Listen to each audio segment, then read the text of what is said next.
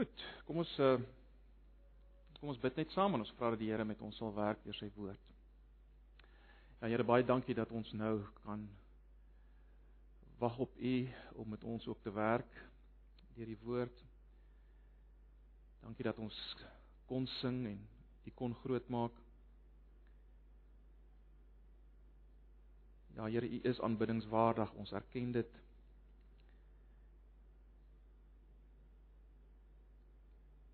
Daar's niks heerliker om mee besig te wees in hierdie wêreld en tot in ewigheid as om U lof te besing.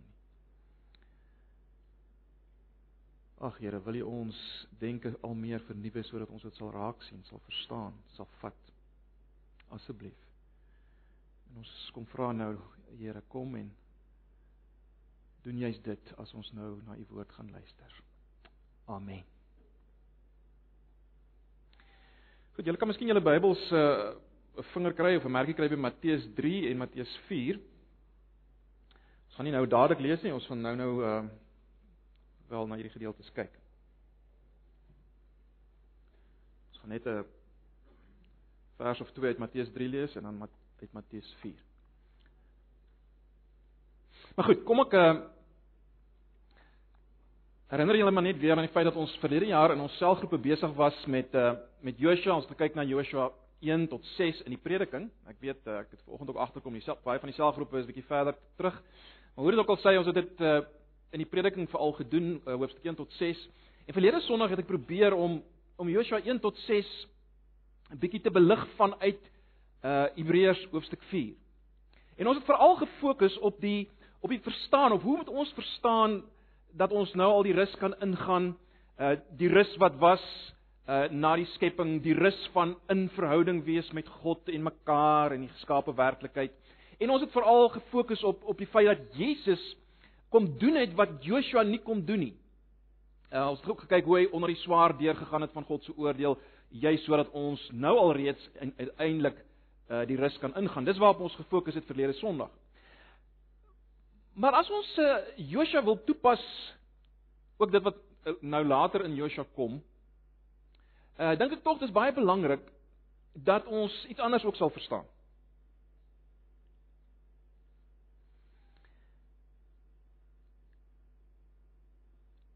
Ek en jy moet verstaan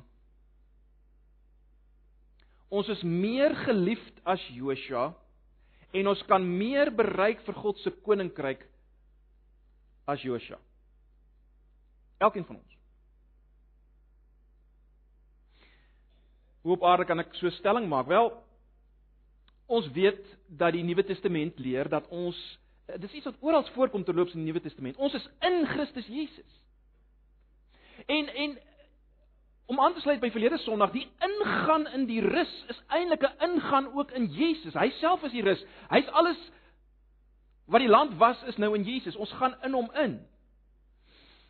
En meer as dit, uh Arnoud verwys na na ons uh ons missie. Julle sal onthou Johannes 20 vers 21. Sê Jesus die volgende. Luister mooi wat sê in Johannes 20 vers 21. Soos die Vader my gestuur het, stuur ek julle. Nou, weer eens, dis op ons van toepassing want dit word gesê vir die vir die disippels wat uiteindelik die ehm um, die apostel sou word en die die die begin van die kerk sou word en ons is deel van die kerk van die Here Jesus. So dis op ons van toepassing. Soos die Vader my gestuur het, stuur ek julle. Met ander woorde, God stuur vir Joshua om die land te verower. God stuur vir Jesus om die koninkryk van God te bring wat dit moontlik maak om nou al iets van God se rus te beleef en uiteindelik tot in alle ewigheid uh, op die nuwe aarde. En nou in Johannes 20 vers 21 sê Jesus, soos die Vader my gestuur het, stuur ek julle. Dis geweldig. Nou ons sukkel om dit werklik te vat. Ons sukkel om te vat dit wat Paulus later in Romeine 8 sê dat ons ons is meer as oorwinnaars in Christus. Ons sukkel om hierdie goed te vat. Want ons sukkel om onsself te sien soos mense of as mense wat soos Jesus gestuur kan wees. Dit dis waarmee ons sukkel. Kan ons so gestuur wees?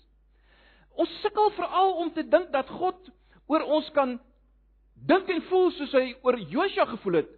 Wat nog te sê dat hy oor ons kan dink en voel soos hy oor Jesus dink en voel? Dit voel vir ons dis belaglik.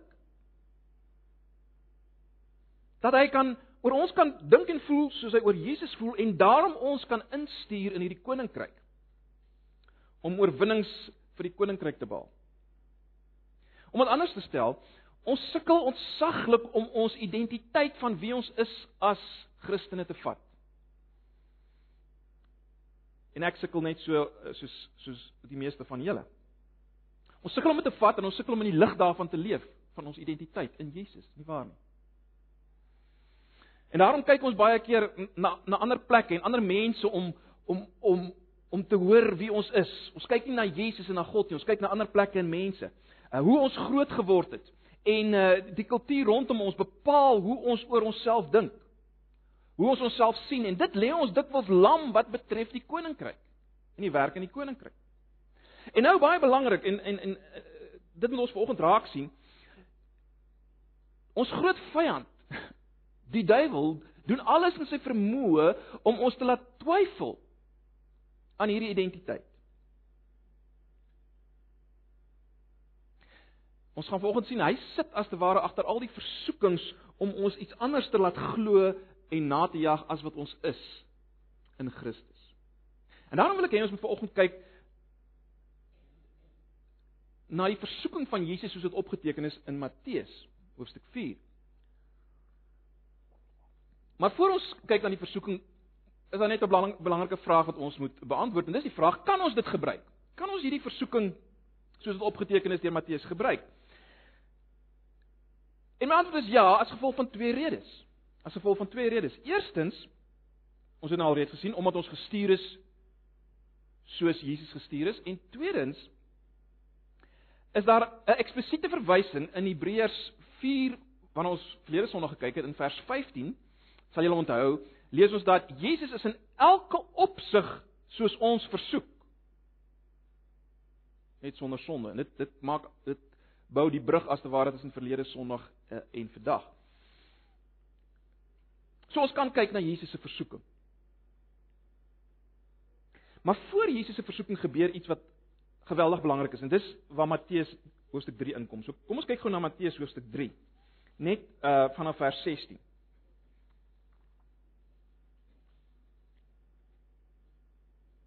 Matteus 3 vanaf vers 16. En nadat Jesus gedoop was, het hy dadelik uit die water opgeklim en met eens gaan die hemele vir hom oop en hy sien die gees van God soos 'n duif neerdal en hom opkom. En daar kom 'n stem uit die hemel wat sê: "Dit is my geliefde seun in wie ek 'n welbehae het."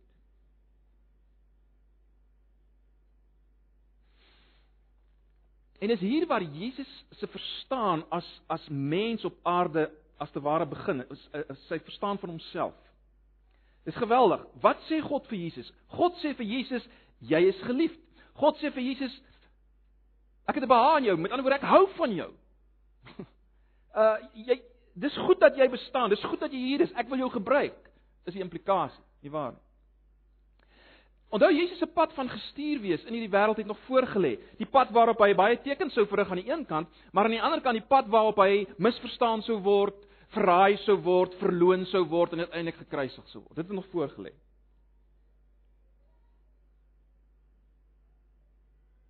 Maar hier ontvang hy 'n bevestiging. Mens kan amper sê 'n belewingsbevestiging van die feit dat hy geliefd is deur die Vader. En dis die fondament van Jesus se selfverstaan. Dis hoekom hy kon doen wat hy gedoen het. Onmiddellik is die vraag natuurlik maar wat van ons want ons vra ons vra onmiddellik die vraag ja of ons of ons sê onmiddellik vir onsself ja goed dis waar van Jesus maar wat van my? Uh God kan tog nie dieselfde sê oor my as wat hy oor Jesus gesê het by hierdie geleentheid by Jesus se doop nie. Dis tog dis tog dit kan tog nie. Kyk wat doen ek? Kyk wat dink ek? En en en buitendien uh ek is nooit ek was van kleins af eintlik nooit aanvaarbaar nie. Hoe op aarde kan sal God so oor my voel? Maar kom ek herinner julle aan 'n ander vers uh in Johannes 17 wat ons lank terug ook al na gekyk het toe ons Johannes gedoen het waarskynlik. Uh Johannes 17 vers 23. Dis 'n bekende vers, maar luister net weer hierna. Dis geweldig. Johannes 17 vers 23. Is Jesus se hoëpriesterlike gebed net voor hy gekruisig sou word?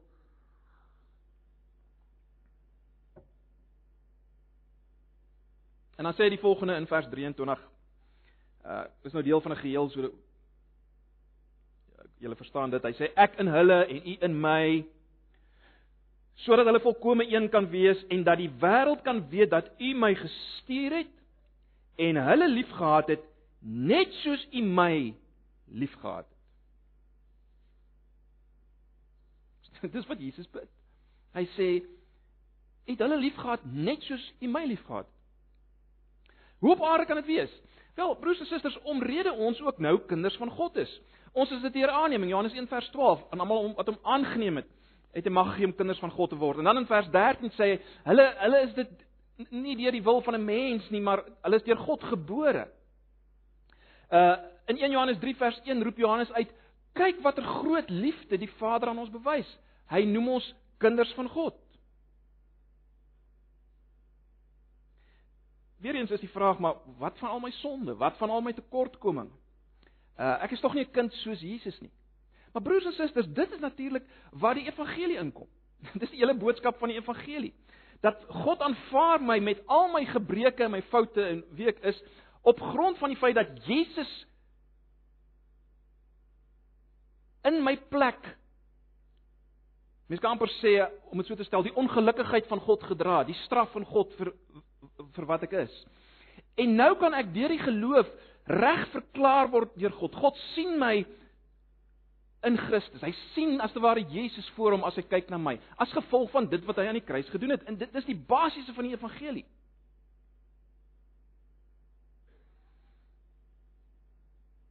En daarom hy wat God is, dink en tree nou op teenoor my as 'n unieke individu wat hy geskep het, ja, maar ook weer gebore het en wat nou sy kind is vir hom soos Jesus sy kind is. Ons moet daai begrip kry. So, met ander woorde, as kind van die Here is ek geliefd. Hy het 'n welbehae in my. Hy verheug hom oor my. Ons moet dit vat. En broers en susters, om om om te leef in, as ek dit so kan stel, en, om te leef en as te ware te swem in hierdie rivier van God se liefde vir my is natuurlik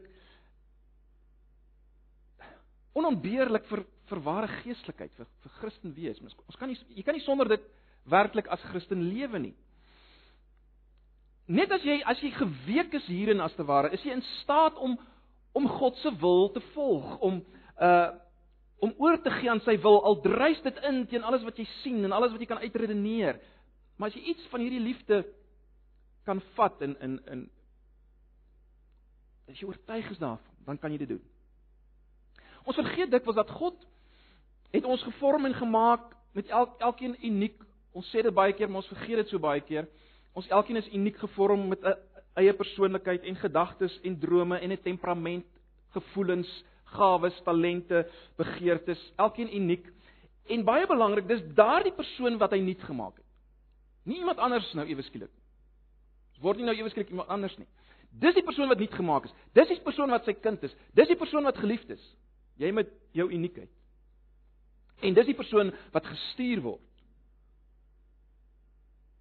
om die koninkryk van God te laat sigbaar word.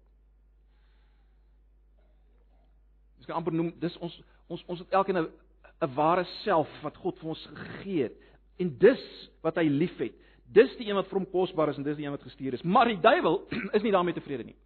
En daarom doen hy alles in sy vermoë om uh om te verhinder dat ons so oortuig is daarvan en gestuur word in die wêreld. Hy wou nie gehad het Jesus moes gestuur word in die wêreld. Hy wou nie gehad het Jesus moet oortuig wees, bewus wees van wie hy is en vir, en en en daarom oorgie aan die wil van God nie. Die duiwel wou dit verhoed en dit bring ons by die versoeking van Jesus. Kom ons lees in Matteus 4. Dis nou net na net na hoofstuk 3 se doop van Jesus en die uh vers 17 wat sê dis my geliefde seun en wie ek welbehaag. Net daarna kom hoofstuk 4. Matteus 4 vers 1. Toe is Jesus deur die Gees weggelei die woestyn in om versoek te word deur die duiwel. En nadat hy 40 dae en 40 nagte gevas het, het hy naderhand honger geword En die versoeker het na hom gekom en gesê: "As jy die seun van God is, sê dat hierdie klippe brode word." Maar hy antwoord en sê: "Daar is geskrywe: Die mens sal nie van brood alleen lewe nie, maar van elke woord wat deur die mond van God uitgaan." Toe neem die duiwel hom saam na die heilige stad en laat hom op die dak van die tempel staan en sê vir hom: "As jy die seun van God is, uh werp jouself van hierdie dak af." Nou dink ek net, nie my Waar is nou my my teks? Ekskuus julle. Ek het nou my teks hier verloor waarop dit is uh, werp jouself af want daar is geskrywe hy sal sy engele bevel gee aangaande u en hulle sal u op die hande dra sodat u nie miskien u voet in 'n klip stamp nie. Jesus sê vir hom daar is ook geskrywe jy mag die Here jou God nie versoek nie. Weer neem die duiwel hom saam na 'n baie hoë berg en wys hom al die koninkryke van die wêreld en hulle heerlikheid en sê vir hom al hierdie dinge sal ek aan u gee as u neerval en my aanbid. Toe sê Jesus vir hom gaan weg Satan want daar is geskrywe die Here jou God moet jy aanbid en hom alleen dien. Daarna het die duiwel hom laat staan en daar het engele gekom en hom gedien.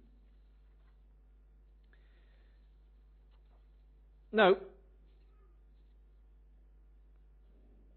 Vers 1 begin met die Gees het Jesus weggelei om versoek te word.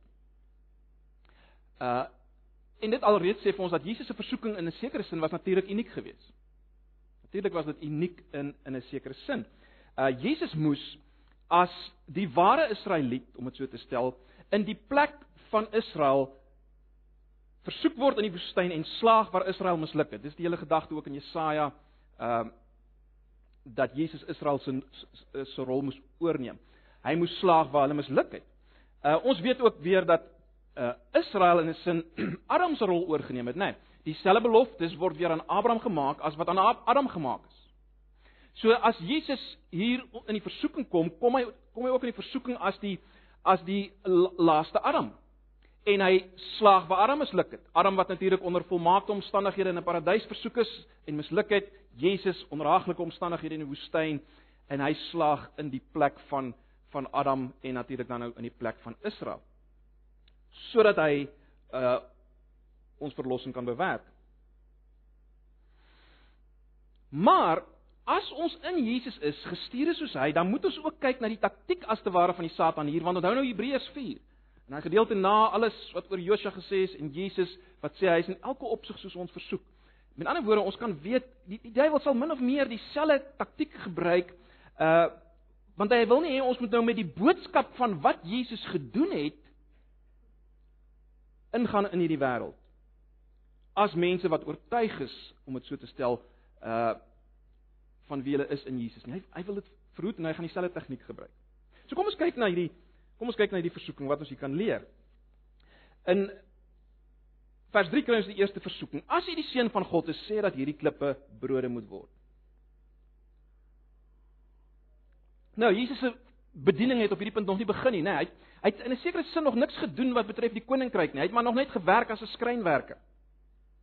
So waarskynlik het hy soos 'n of wat ek so stel, hy hy, hy sou soos 'n mislukking gelyk het as iemand na buite kyk na hom en vra wat het jy al vir die koninkryk gedoen? Wel, nie eintlik iets nie. Niemand het nog om op hierdie stadium hom geglo nie en nou was hy honger geweest. Ek weet watter bydrae kon hy eintlik maak tot die wêreld? Hier is hy in die woestyn, hy's honger. En nou kom die Satan en dit is interessant hoe die Satan Satan begin. sien julle hoe sluit hy aan by dit wat Jesus gehoor het in Matteus 3? Hy sê: "As jy die seun van God is, sê dat hierdie klippe brode word. As jy die seun van God is." In ander woorde, Hy wil hê Jesus moet dit bevraagteken. Hy wil hê Jesus moet bevraagteken sy kunskap. En die angel in sy versoeking lê verder daarin dat hy wil hê Jesus moet moet as te ware afstand doen van sy afhanklikheid van God. Hy moet afstand doen van sy afhanklikheid as geliefde van God. Want jy sien as dit kon gebeur, dan sou alles skibreek lê. Dan sou daar geen verlossing uiteindelik wees vir die mensdom nie. En dit is wat die Satan wou bereik. Maar goed, wat wat sê hierdie versoeking vir ons? Wel, die die die duiwel vra as te ware dieselfde vraag aan ons deur deur die kultuur van die dag. Onthou, hy sit agter volgens Efesiërs 2 sit hy agter die wêreld en die kultuur van die dag. En die duiwel vra dieselfde vraag vir ons. Hy vra vir ons, "Wat het jy bereik?" Wat het jy bereik? Hoe het jy jou bruikbaarheid al gedemonstreer? Wat doen jy, man? Dis wat die duiwel vir ons vra. En die meeste van ons beskou onsself net as die moeite werd as ons 'n klomp suksesse agter ons naam kan skryf, want dis dis die kultuur waarin ons leef, nie waar nie? En as dit nie die geval is nie, as ek dit nie kan doen nie, wel dan probeer ek al harder en ek ehm uh, begin ander blameer vir my mislukkings of ek val in 'n totale toestand van depressie. Uh dis wat ons doen.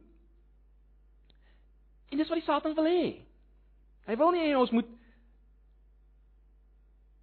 as te ware tevrede wees onder God se heerskappy as sy kinders vir die Here lewe nie. Hy wil dit hê en as hy dit kan regkry, is ons is ons nie meer bruikbaar nie. So dit, so wat is die eerste versoeking? Die eerste versoeking as mens dit kan saamvat, dink dink so daaraan. As jy dit kan saamvat in 'n naam gee, is die eerste versoeking in beginsel dit. Ek is wat ek doen.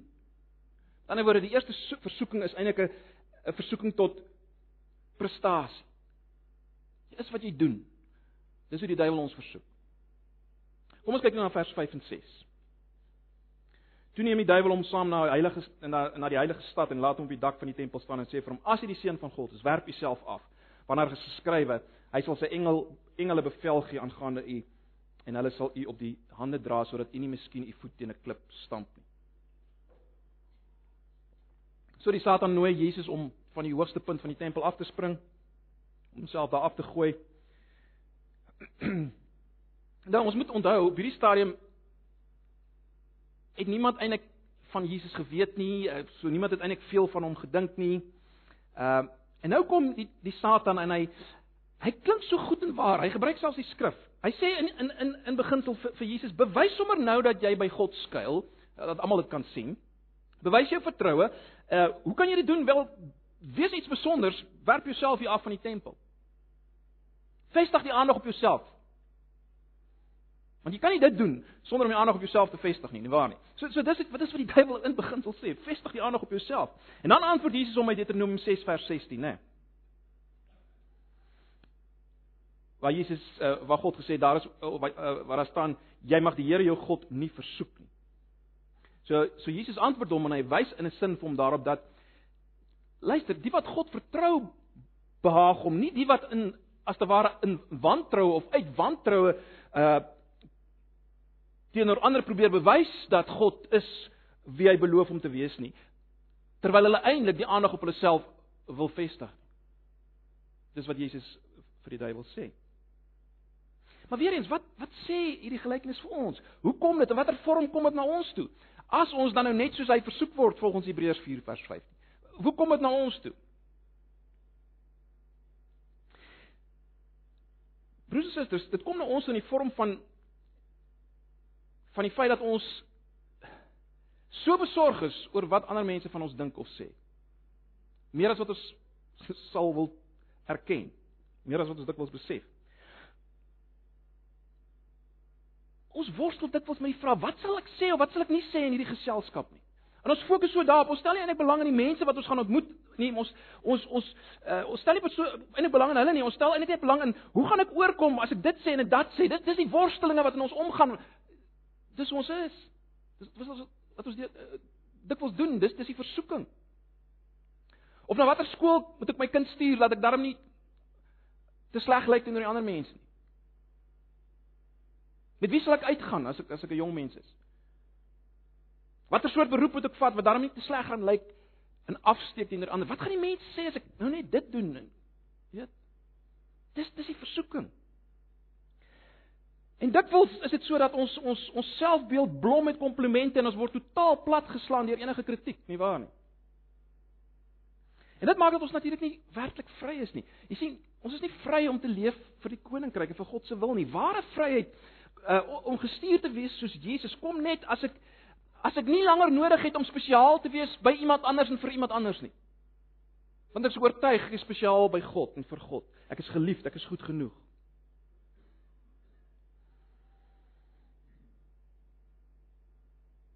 So die versoeking as ons 'n naam wil gee vir die versoeking is dit dit. Ek is wat ander dink ek is of of ek is wat ander van my dink. Dis die versoeking tot populariteit, om populêr te wees. Dis die dis die dis die versoeking. Wat ons wil wat afwyk van wat ons iets anders wil laat glo as wat God vir ons sê in Christus Jesus. En die derde versoeking kry ons in Matteus 4 vers 8 tot 10. Weer neem die duiwel hom saam na 'n baie hoë berg en wys hom al die koninkryke van die wêreld en hulle heerlikheid en sê vir hom: "Al hierdie dinge sal ek aan U gee as U neerval en my aanbid." Toe sê Jesus vir hom: "Gaan weg, Satan, want daar is geskrywe: Die Here jou God moet jy aanbid en hom alleen dien." dien. So wat die duiwel basies vir Jesus sê is: "Kyk rond nou na na al die dinge wat ander het. Ek bedoel jy het niks nie, jy het nie eens 'n plek om jou kop neer te lê nie, man." Hoe kan jy dink jy's iets? Hoe gaan jy oorleef? Jy's niks nie. Maar ek kan dit vir jou gee. Kry sekuriteit. Kry sekuriteit. Moenie net afhanklik wees van God se woord vir jou sekuriteit nie. Ek kan jou die sekuriteit gee. Moenie net afhanklik wees van God se woord vir jou sekuriteit nie. Is baie interessant dat die duiwel sê hy sal dit gee as Jesus hom aanbid. Dis fascinerend, is dit nie? Met ander woorde, daar's 'n nou verband tussen die versoeking om jou identiteit te vind in wat jy het en die buig en aanbidding van die Satan. Ek sê dit weer. Daar's 'n nou verband tussen die versoeking om jou identiteit te vind in wat jy het en die aanbidding van die Satan. Die buig vir Satan. Weerens as Jesus hier ingegee het, was alles daarmee heen, né? Alles waarvoor Jesus gestuur is. Die verlossingswerk wat God beplan het. Julle sal sien Jesus antwoord Satan dat net een kan aanbid word. Net God alleen kan aanbid word. En die aanbidding van God beteken per definisie dat jy jy jou identiteit vind in hom en in die aanbidding van hom. Nie in wat jy besit. Jy vind jou identiteit in hom en die aanbidding van hom wat jou liefhet en nie in dit wat jy besit nie. Dis wat Jesus hier sê vir die duiwel. As ons weer na onsself toe bring, Ons kultuur weer eens meet sukses en uh, meet wie jy is in terme van wat jy besit.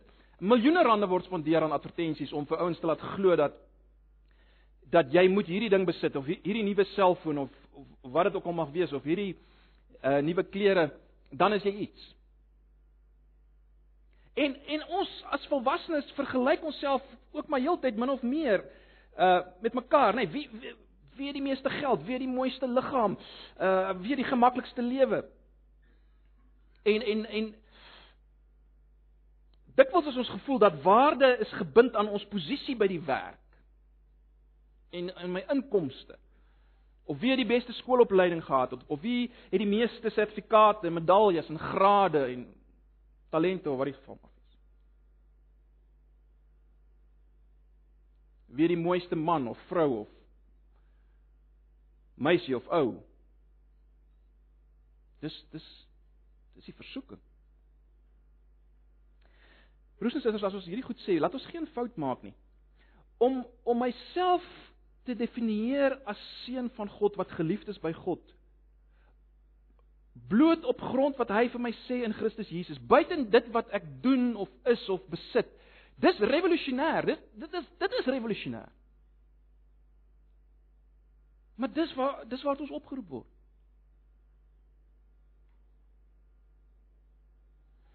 Alles dryf daarteen in, hoor. Alles rondom ons dryf daarteen in. Verseker.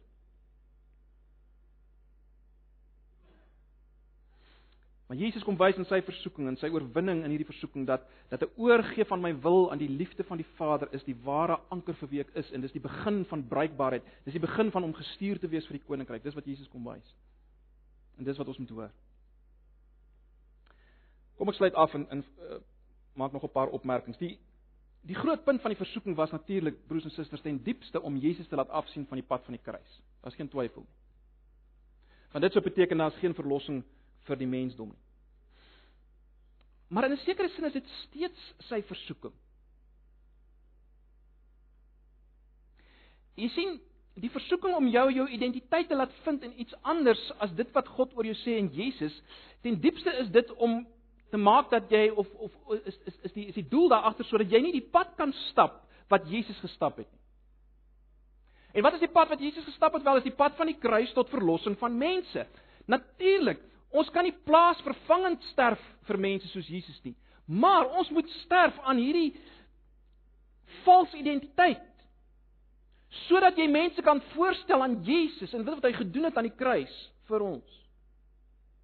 En sodat jy Jesus kan voorstel Jesus se lewe, sy opofferende lewe, sy ander persoongerigte liefde, sonder 'n fokus op jouself.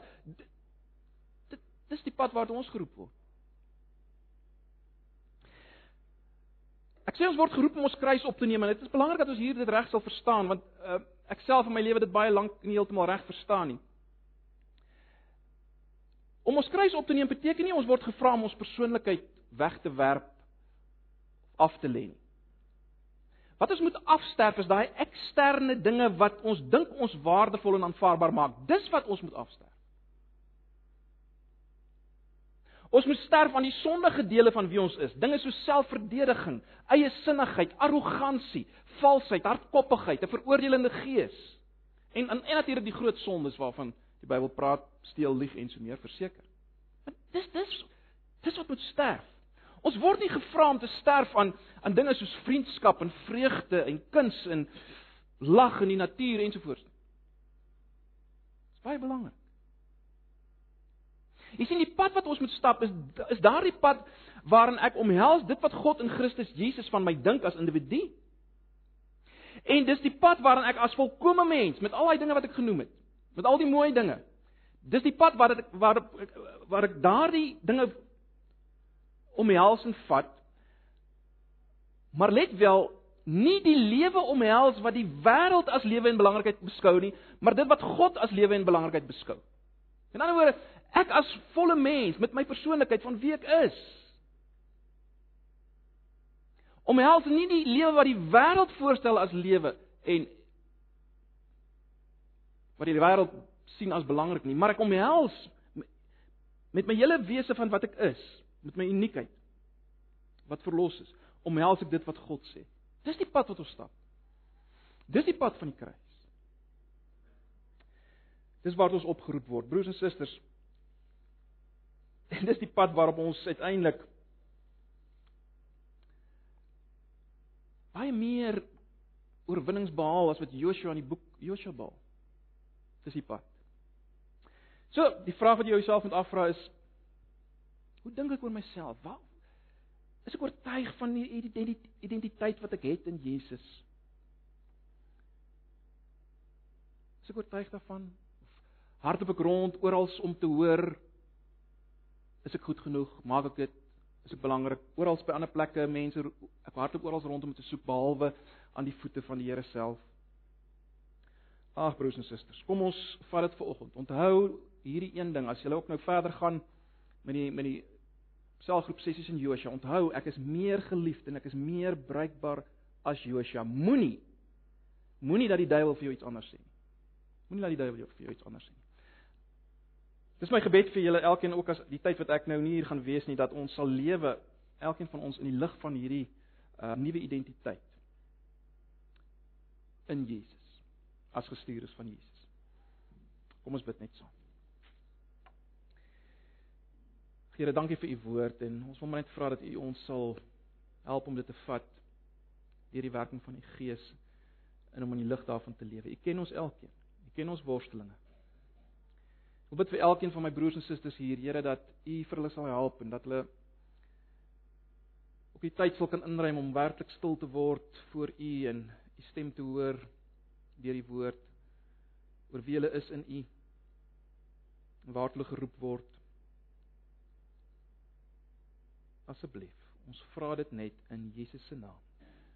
Mag nou die genade van ons Here Jesus en die liefde van God, die liefde van God waaroor ons nou gepraat het by met julle elkeen wees en bly soos die Heilige Gees by julle is en mag hy julle herinner daaraan in hierdie week en ook die res van hierdie jaar. Amen.